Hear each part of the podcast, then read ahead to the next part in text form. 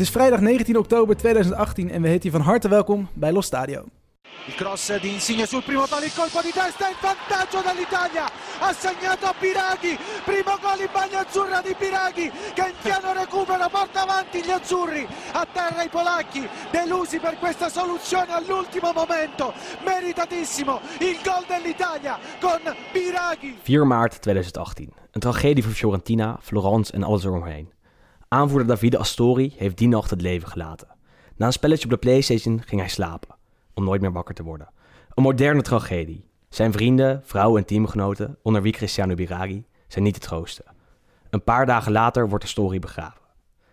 Iets meer dan zeven maanden later. Het is Polen-Italië. 92e minuut en een corner voor de bezoekers. De bal wordt verlengd. Bij de tweede paal glijdt Cristiano Biraghi hem binnen. 0-1. De Azzurri winnen in Polen en de Italianen zijn volledig in extase. Bondscoach Roberto Mancini rent zelfs het veld in. En doelpuntenmaker Biraghi, die heeft een momentje voor zichzelf. Twee handen in de lucht. De rechter wijsvinger uitgestoken. De linkervingers van de andere hand vormen een 3. Rug nummer 13. Het nummer van Davide Astori. Het is een eerbetoon aan zijn veel te vroeg overleden vriend. In het Slaski-stadion in het Poolse Gorzów recht Italië de rug. Met het doel als een phoenix te herrijzen uit de as die de dood van Astori, de blamage tegen Zweden en het daardoor misgelopen WK 2018 heeft achtergelaten. Het gehele land heeft behoefte aan een wedergeboorte, un rinascimento, van het Italiaanse voetbal op internationaal, maar ook zeker op nationaal gebied. Deze zomer al ingeleid door grote inkomende transfers en een steeds populairder wordende competitie. Wij zijn Willem Haak en Wesley Victor Mak en wij nemen jou elke week mee naar Il Bel Paese. Het land van de Mediano, La Trequartista, Il Bomber en de hartstochtelijk zingende tifosi. Maar ook de thuishaven van omkoopschandalen, financiële wantoestanden, faillissementen en wekelijkse trainers ontslagen. Kortom, benvenuti in Italia. Welkom bij Los Stadio. Ja, Wes. Italië tegen Oekraïne, Italië tegen Polen. Wat vond je ervan? Ja, ik vond het op zich best wel eh, meevallen. Ehm, ik heb natuurlijk ook de, de wedstrijden daarvoor gezien. Toen was het eh, 1-1 tegen Polen en verloren van Portugal. En toen leek het echt helemaal nergens op. Er zat geen idee achter het spel. Ehm, en ik had het idee dat, nu, eh, dat Mancini iets meer eh, de boel op de rit had. Ehm, zeker in de, het begin van de wedstrijd heel veel kansen gecreëerd. Ehm, tegen Oekraïne waren de eerste 20, 30 minuten waren echt heel goed. Ehm, tegen Polen deden ze dat eigenlijk al eh, drie kwartier. Alleen het grote manco, dat is, eh, ja, we hebben het al eerder ook, eh, ook aangekaart, Ja, is, is toch die ontbrekende spits. We hebben nog eventjes wat statistieken erbij gepakt. En als je ook kijkt naar de schoten die Italië heeft gelost, zijn er veel meer dan de tegenstander. Tegen Oekraïne hadden ze 20 schoten op doel en Oekraïne zelf 12. Eh, tegen Polen was het zelfs eh, 18 schoten op doel, waar, waar de Polen er maar 6 hadden. Ehm, dus de, de aanvallende, ja, de aandrang is er zeker. Alleen het afmaken, dat, eh, dat lukt niet. Totaal inefficiënt. Maar wel een voordeel dat er in ieder geval kansen werden gecreëerd. Ja, nee, dat zeker. Eh, maar het probleem is echt die, eh, die efficiëntie. Want je ziet ook dat schoten op doel bijvoorbeeld bijna gelijk is tussen de beide ploegen. Dus dat houdt in dat Oekraïne en Polen met veel minder kansen eigenlijk bijna hetzelfde hebben gecreëerd.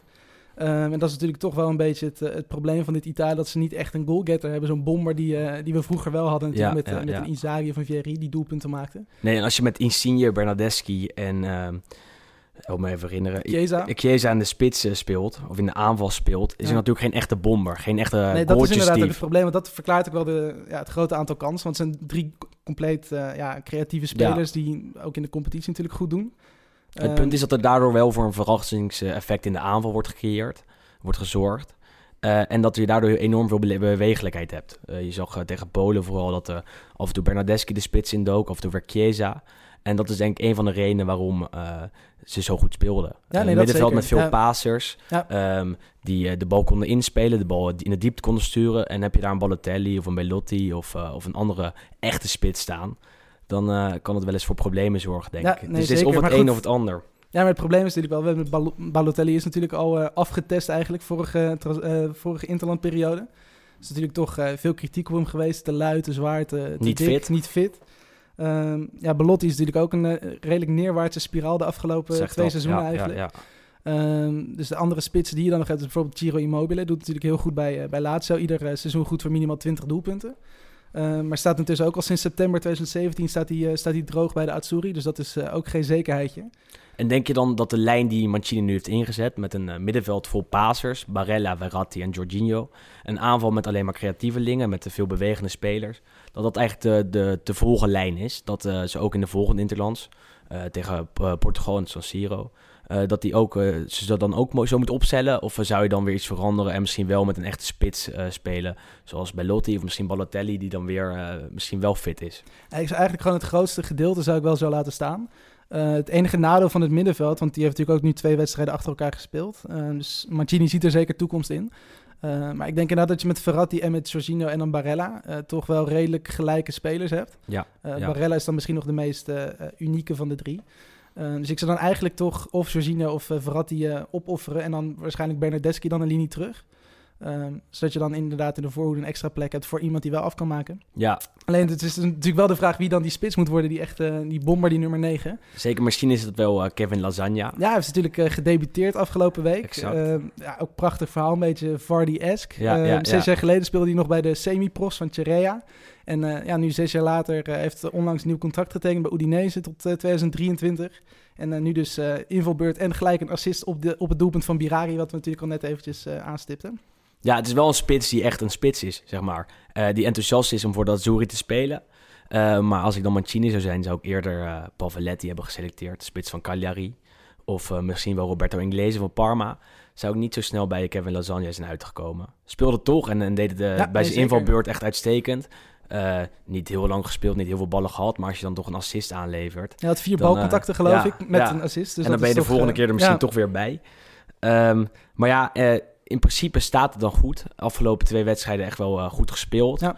Ehm, en eh, misschien kunnen ze wel nog kampioen worden in een pool. Als ze winnen van Portugal, eh, gaat Italië naar plek 1. En dan moet Portugal nog in Lissabon of in Portugal zien te winnen van Polen.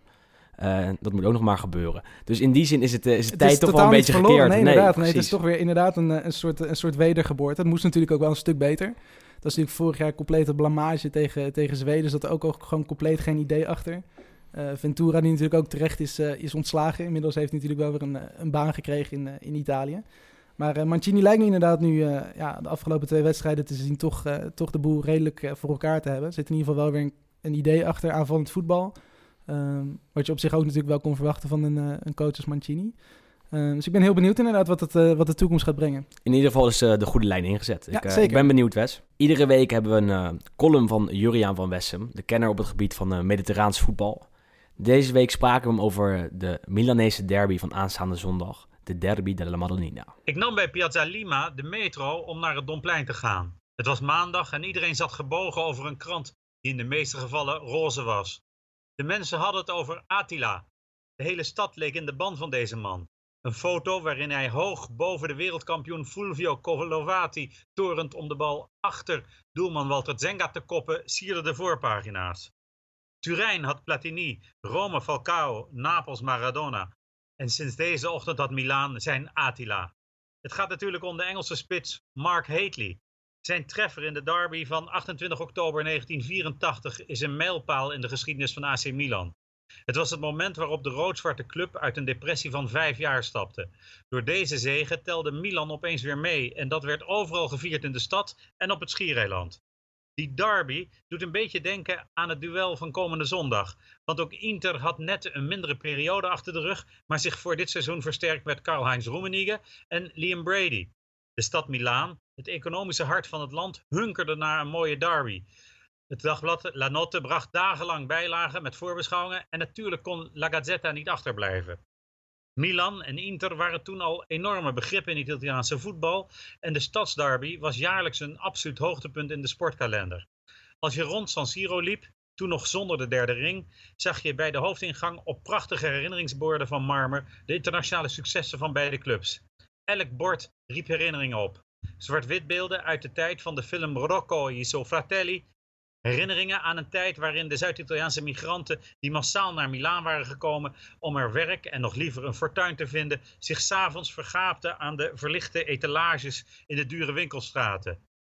Op de dag van de Straccittadina konden ze meegenieten van de lokale rijkdom in San Siro, de scala van het voetbal. En daarover berichten zij weer naar het thuisfront. Vandaar dat beide clubs ook razend populair zijn in Zuid-Italië. En dat de derby della Madonnina van nationaal belang is en uh, haast sacraal hoogtepunt in elk seizoen is gebleven.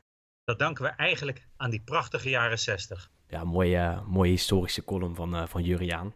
Als je hem aanzet, dan komt er een, Heel een veel prachtig verhaal uit. uit. Precies. Dat altijd. Zeker. Ehm, nou, terug naar 2018. Inter Milan. Inter uh, dat zes duels op rij heeft gewonnen. Milan dat uh, ook de goede lijnen lijkt te hebben gevonden met de drie overwinningen op rij. Uh, in, en, um, en Higuain in vorm, Suso in vorm. Wat verwacht jij aankomende zondag? Ja, toch een hele, hele leuke wedstrijd. Uh, het is natuurlijk ja, een van de grootste wedstrijden sowieso natuurlijk in Italië, Derby della Madonnina. Um, ja, echt prachtige stadsderby. Je ziet ook echt dat, dat de spelers zelf ook al op social media er al weken eigenlijk naartoe leven totdat ze eindelijk deze wedstrijd weer een keer mogen spelen. Um, dus ik hoop ook dat er deze keer een, ja, een winnaar komt. Vijf van de laatste acht, acht wedstrijden eindigen in de gelijkspel. Um, maar ik verwacht nu zeker wel dat er toch wel wat doelpunten gaan vallen. Uh, we hebben het uh, net voor de uitzending ook al eventjes over Gigio Donnarumma gehad. Ja, ja, ja zeker. Die gaat uh, op het gebied van de clean sheets, de, de nul houden, niet heel erg, niet heel erg lekker. Um, het was namelijk in de Serie A op 15 april. Um, en intussen in 13 wel 16 tegendoelpunten. Um, dus dat is ja, zeker een, toch wel een risicofactor misschien voor Milan. Dus ik ben ook geen fan van Donnarumma. Nee, ik vind ik hem zelf ook... Een enorm overschatte keeper wel nog steeds erg jong en wel goed, maar uh, zeker niet zo hoog aangeschreven, uh, hoog aangeschreven als dat hij echt uh, nou, af en toe wordt benoemd, af en toe wordt genoemd. Hij maakt veel fouten, ziet er bij veel tegendoelpunten van Milan niet goed uit. Um, blijft natuurlijk wel de toekomstige eerste doelpunt van de Azzurri. Ja, zeker, maar ja. op dit moment is hij nog zeker niet een keeper van wereldklasse, denk ik. En vaak heeft hij moeite met de bal aan de voet. Dus dan moet hij het spel gaan verdelen. Dat is toch wel het spelletje dat Gattuso met Milan wil spelen. En daar komt hij dan niet, uh, niet goed uit. En ook op de lijn gaat het dit seizoen niet, uh, niet super. Dus daar valt de aankomend weekend misschien wel iets te halen bij, uh, bij Milan. Nou, hoewel, want de laatste twee wedstrijden die hij keepte tegen Inter hield hij twee keer de nul. Ja, dus ja. dat is natuurlijk wel weer opvallend wat dat betreft. Ehm, nee, maar ik ben echt heel erg, heel erg benieuwd naar, naar de wedstrijd. Ja, Um, de tandem Suso-Higuain is enorm interessant om naar te kijken, denk ik. Ja. Bij de afgelopen drie doelpunten van Higuain was Suso de aangever. En uh, die Spanjaard daarop rechts, die is eigenlijk altijd heel erg goed tegen Inter. Scoort ja, vaak. zeker, ja. En uh, vaak heeft Inter geen enorm goede linksback. Dit seizoen wel met de Quattro Samoa. Um, dus dat, dat duel is wel interessant om te volgen straks. Als Samoa tegen Suso. En uh, Suso die gaf in een interview aan dat hij in de vorm van zijn leven is. Dat hij alles voor Gattuso, zijn trainer, zou doen. En dat Inter me de afgelopen twee zomers heeft proberen te halen naar het blauw-zwarte deel van Milaan. Dus uh, daar is wel wat, uh, nou, wat, zijn wat heet gepeperde uitspraken uitgekomen ja. afgelopen week. Zoals we de Italiaanse media Ja. een beetje kennen. Natuurlijk de voorpagina's uh, altijd spraakmakend. Altijd mooi om, om die, die aanloop naar de derby te beleven. De Gazzetta dello Sport had afgelopen week drie hele mooie interviews. Eentje met Rajana Ingolan, die daar weer allemaal uitspraken over Juventus deed. Eentje met Gonzalo Higuain. En daar gaf Higuain ook voor aan dat hij erg tevreden is bij Milan. En nou, echt zichzelf voelt. En ook eentje met Suso. Um, wat is jouw voorspelling daarvoor? Wat denk je dat, dat, denk je dat Milan misschien wel die uitoverwinning daar bij Inter kan pakken? Ik denk toch echt wel dat, die, dat de overwinning in het uh, ja, blauw-zwarte deel van Milaan blijft. Um, AC Milan heeft sowieso eigenlijk uitwedstrijden, als je dat, uh, als je dat zo mag noemen, ook al uh, zeven jaar niet meer gewonnen. De laatste keer was in, in 2010. Zelfs nog met Zlatan Ibrahimovic scoorde. Um, nee, maar ik denk echt dat, dat Inter wel... Ik ben wel meer overtuigd van Inter, ook gewoon qua breedte en diepte van de, van de spelersgroep. Dus ik denk wel dat die met een overwinning ja, naar huis gaan, kun je niet zeggen. Maar dat die in ieder geval de punten in, in het blauw-zwarte deel van Milaan houden. Ja, daar ben ik, ben ik het niet helemaal mee eens. Ik sluit me er niet helemaal bij aan, denk ik. Want ook al heeft Inter de afgelopen zes wedstrijden gewonnen, er is eigenlijk geen enkele wedstrijd geweest waar ze enorm overtuigden. Misschien alleen de eerste 60 minuten tegen PSV, waar ze uh, echt goed voetbal li uh, lieten zien. En daarna de wedstrijd professioneel uitspeelden. Maar voor de rest zijn er eigenlijk weinig echt overtuigende overwinningen geweest. Tegen Spal bijvoorbeeld, dus de laatste wedstrijd in de Serie A, na de, voor de interlandbreek. was het echt enorm lucky hoe ze die overwinning binnenhaalden. En dan was het echt aan, aan de, de het killersinstinct van Mauro Icardi te danken dat er alsnog uh, met 1-2 werd gewonnen. Maar ja, ook al staat Inter nu derde en ook al gaan ze wel, uh, nou goed, uh, op dit moment, denk ik dat Milan beter voetbal laat zien, iets overtuigender is en aankomende zondag misschien wel kan verrassen. En zeker met Higuain in de spits, de eerste echte afmaker die ze hebben in jaren. aangezien Koetschona natuurlijk wel goed is, maar nog niet helemaal klaar voor de, voor de, voor de precies, maar voor de toekomst. denk ik dat zij wel nu de spelers in huis hebben om eindelijk weer de derby uh, nou, uit het hol van de leeuw eigenlijk weg te slepen. Dus ik ga voor een, uh, voor een tweetje, voor een, uh, voor een overwinning van Milan. En met een doelpunt van Suso, want die scoort Dat- altijd dat tegen Inter. En Higuain en Icardi blijven droog staan of eh, Zie je daar ook nog wel wat... Nou, eh, ik ga wat voor een doelpuntrijk duel met eh doelpuntje voor Icardi, doelpuntje voor Higuain. En de winnende komt van de linker van, eh van Suso, die à la Robbe naar binnen trekt. eh, dus zijn we, schrijven, we schrijven hem op. Allora, Livorno-Crotone 10, Bari-Modena 11. Tesoro, è 1-0, 1-1. Scusi. Livorno-Crotone 1-0, Bari-Modena 1-1. Ja, en aankomend weekend staan natuurlijk naast eh, de derby van Milaan ook eh, andere mooie duels op het programma. Ik noem een eh, Genoa dat op bezoek gaat bij Juventus. waar Piontek, de absolute topschutter van de Serie A met negen doelpunten, nou op, op jacht zou gaan naar een doelpunt. Die wedstrijd gaan we niet behandelen, denk ik. Aangezien dat toch wel een, een eentje zou Nee, voor Juventus is het vrij duidelijk. Het is juist leuk om nu ook een beetje de, de onder, onder gesneeuwde duels toch een beetje te behandelen. Eh zo hebben er een paar uitgekozen waar we toch even kort eh, eh, ons licht op laten schijnen. Ehm, als eerste hebben we Bologna-Torino. Natuurlijk twee ploegen die, die toch vrij laag staan. Eh, Bologna is sinds dit seizoen onder leiding van Pipo Inzaghi. Dus je zou verwachten heel veel doelpunten. Ehm, ze hebben nu zeven, acht duels gespeeld, vier keer gescoord. Ehm, minste van de complete competitie. Alleen Frosinone, de absolute degradatiekandidaat, die hebben er minder gemaakt. De ploeg van Inzaghi staat pas op vier doelpunten. Ehm, Ja, het draait niet. het draait echt compleet niet. Ik heb ze een aantal keer zien spelen dit seizoen en er is echt nul creativiteit. Er is een, wel een aardige spits met eh, Santander. Santander, die eh doel nog wel weet te vinden. Ja. En Mattia Destro op de bank, waar ik wel fan van ben, die normaal wel eh, die ballen er wel inschiet. Maar op het middenveld staat er echt niks. Het speelt Andrea Po- Pioli weer, die wel een renner is, maar het, het niet laat zien. Blerim Zimaili, dit is echt een enorm overschatte speler, vind ik altijd. En daarnaast eh, roleren ze een beetje. Maar ook daar komt niet veel van, eh, van vandaan. En Nee, dan zou je denken dat van de flanken eh, misschien nog de voorzetten komen. Nou, Kevin, Mitchell Dijk staat daar. En, dus dan weet je het wel en we, kennen zijn voorbeelden wel natuurlijk. Zijn voorzetten wel.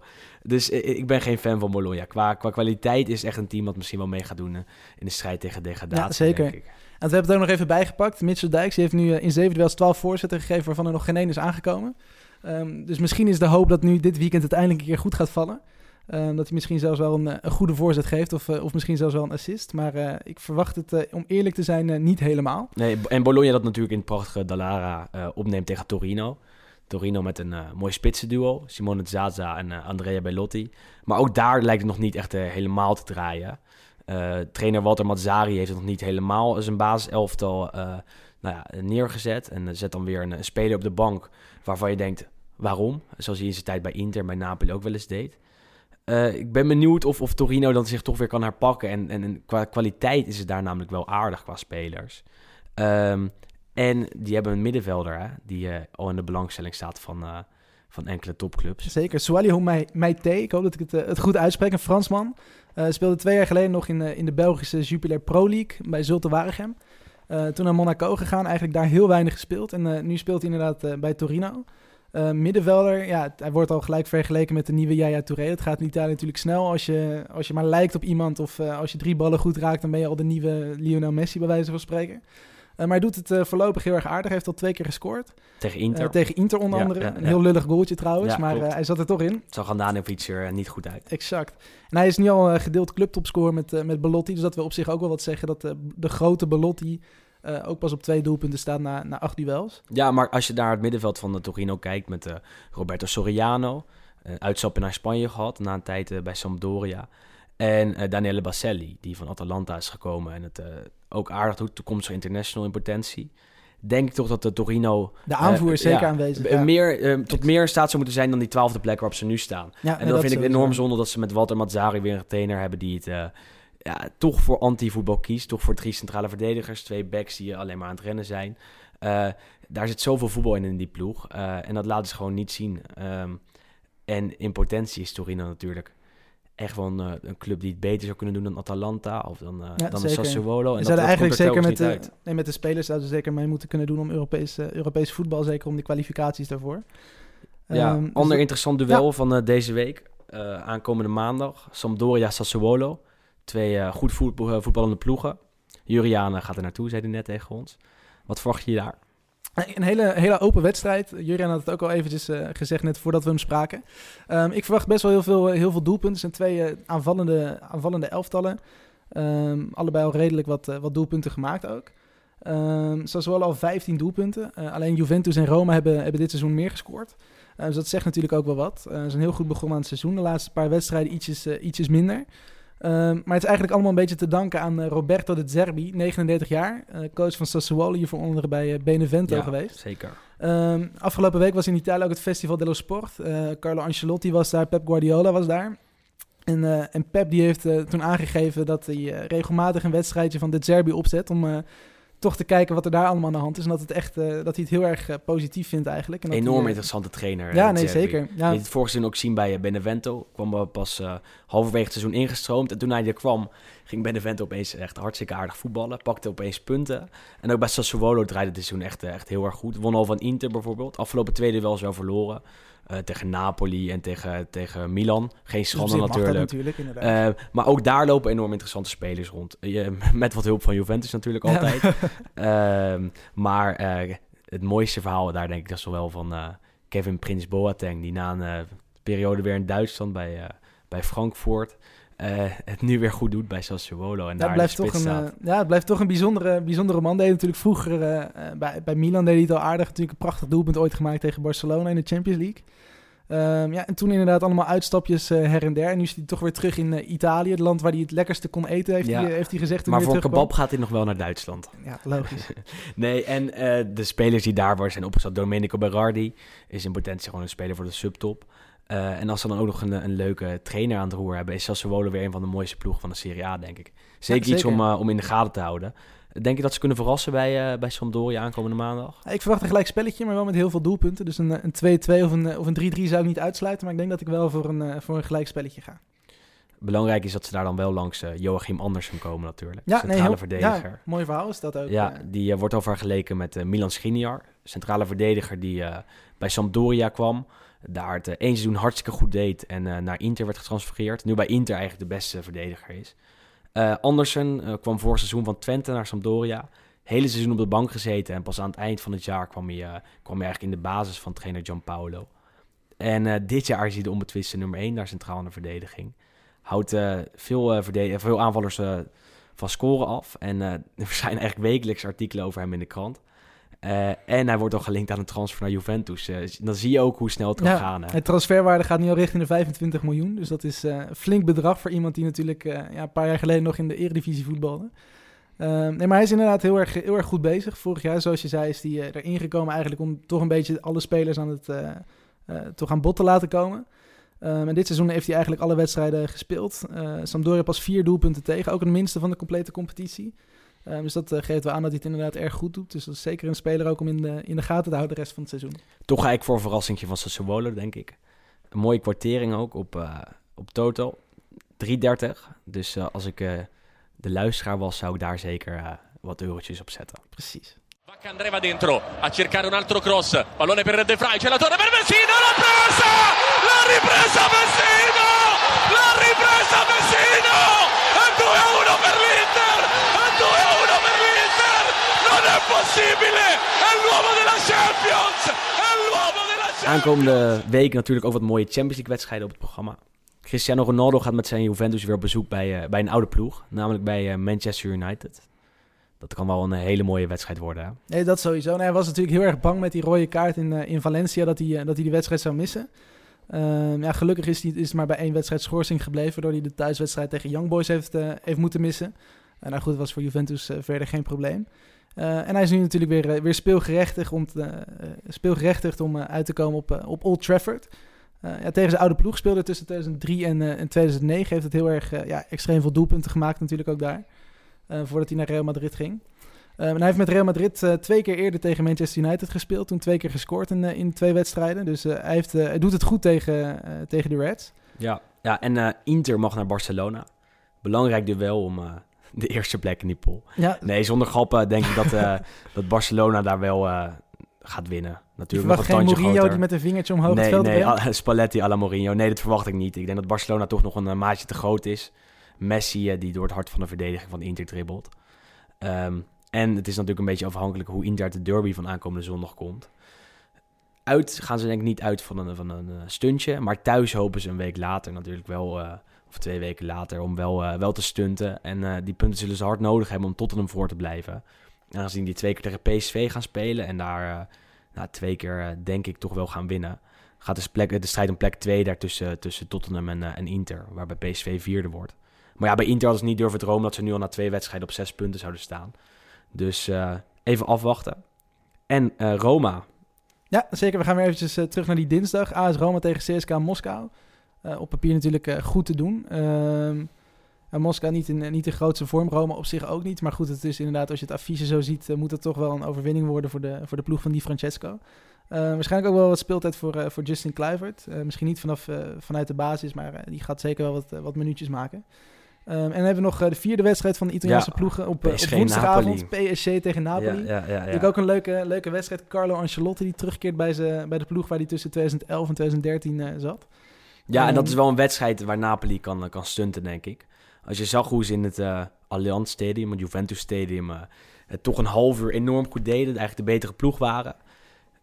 denk ik dat ze ook bij, bij PSG in Parijs wel een, een kans maken. En en die punten kunnen weghalen daar. Punten die ook zeker hard nodig zijn na de, de fout in, de, het eerste wel met. Ja, maar dat is eigenlijk wel. Nou, dat is natuurlijk wel opvallend dat ze ja, thuis gewonnen van Liverpool, toch een grotere ploeg eigenlijk dan, eh, dan Napoli, zeker Nodig historisch gezien. Ja. En dat zeker, maar dat is dat, dat ze daar dan wel van winnen en dat ze dan bij Crvena Zvezda, bij uh, Rode Ster Belgrado dan, uh, dan niet eens weten te scoren. Eigenlijk onbegrijpelijk, maar toch een, een, een, probleem met concentratie, denk ik. Aangezien je toch de aanvallers hebt die altijd en overal kunnen scoren en ze daar telkens tegen die muur aanliepen toch iets wat, wat enorm pijnlijk kan zijn in deze pool. Met twee enorm sterke ploegen. Dan moet je eigenlijk gewoon zes punten weghalen bij Rode Ster.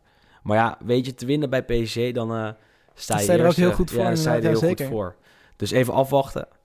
ik heb in ieder geval zin in West. Ja, nee, we gaan het zien inderdaad aankomende week. En dan volgende week dan, zijn we er weer terug om alles weer eventjes te, be te bespreken natuurlijk. en dan gaan we zeker kijken hoe onze Italiaanse ploeg het sowieso in Europa hebben gedaan. En ook in, in, het, in het Serie A seizoen dit weekend. Tot volgende week. Corsa di Maurito Icardi al centro della porta. Gigio Donnarumma sta per partire Icardi con il destro tiro rete! Ha segnato l'Inter!